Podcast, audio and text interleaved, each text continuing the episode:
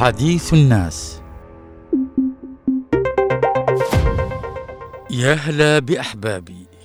المواقع الأثرية والتاريخية بما فيها طبعا المحميات الطبيعية مسألة مهمة جدا الاهتمام بها وملحة وضرورية. موضوع المحميات الطبيعية خاصة محمية الحسوة كانت محور نقاش بيني وبين صاحبي اليوم الذي قلت له اليوم طبعا يا أخي لابد من الاهتمام بهذه المحمية الطبيعية في الحسوة. رد علي بالقول يا أخي قبل الاهتمام بهذه المحمية نشتي أولا الاهتمام بالإنسان اللي يعاني ويلات المعيشة المتردية وشظف العيش جراء تردي الخدمات وارتفاع الأسعار وطبعا مشكلة الرواتب المتدنية واللي ما تجيش إلا بعد شهرين ثلاثة قاطعته وقلت له هذا الكلام كلنا نعرفه وكلنا مدركين هذه المعاناة لكن ليس هناك ما يمنع الاهتمام بالمعالم الأثرية والمواقع التاريخية بما فيها هذه المحمية الطبيعية في الحسوة. فهي تشكل يا أخي واحدة من أهم وجوه عدن السياحية بل هوية عدن والجنوب بل هي رئة عدن أيضا.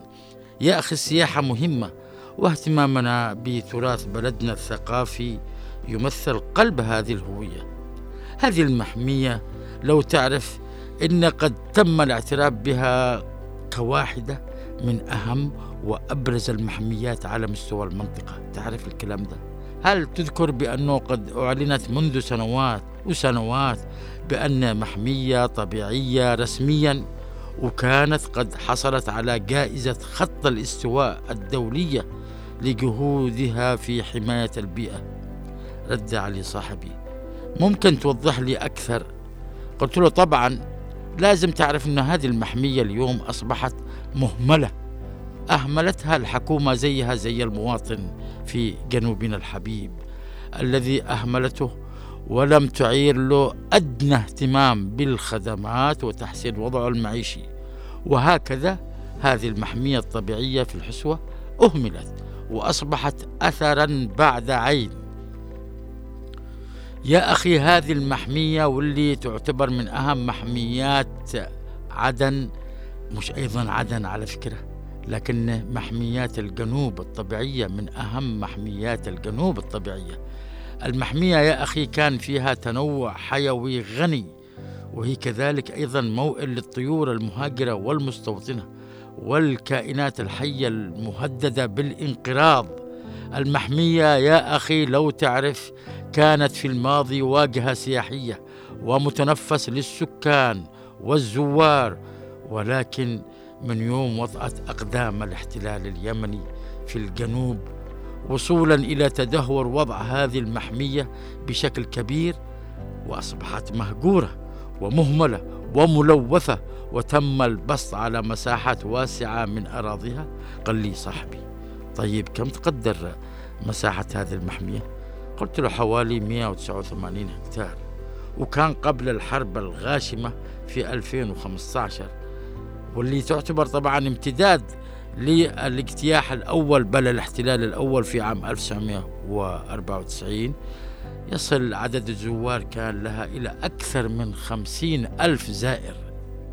يا إخواني تعرفون أن عدد الطيور المهاجرة اللي تتكاثر في المحمية أكثر من مئة نوع مثل طائر الفلامنج والكرسوع والطيطوي وبلشون البقر والنخام الكبير وأنواع أخرى عديدة منها ثلاث أنواع تقريبا مهددة بالانقراض. قاطعنا صاحبي. قاطعنا. قال خلاص خلاص خلاص. إيش هذا؟ كل هذا وما حد عارف؟ فين الحكومة؟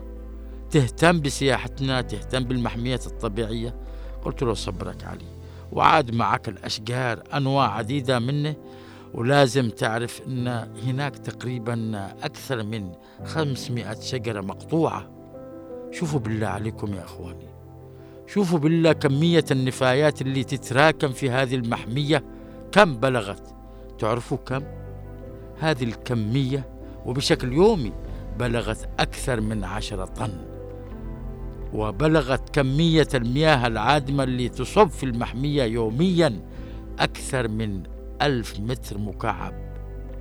إذا يا إخواني لهذا لهذا توقف نشاط المحمية وتراجع عدد الزوار وأيضا تعرض معرض الصور التعريفية والثقافية من مبنى البرج للنهب والتخريب من قبل مجهولين خاصة بعدما تحول جزء من أراضي المحمية إلى مكب للنفايات وأكوام كبيرة من مخلفات البناء الإسمنتية دون مراعاة لطبيعة هذه المحمية وخطر تلك المواد على أشكال الحياة فيها.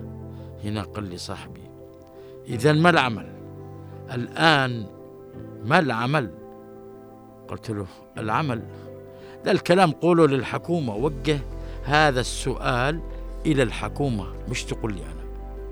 يا أخي حتى لا تندثر المحمية وتند يا أخي حتى لا تندثر المحمية وتنتهي لابد من تحرك عاجل وجاد من قبل هذه الحكومة والدولة لوضع حلول عاجلة وسريعة تحافظ على هذا الإرث الحضاري والتاريخي.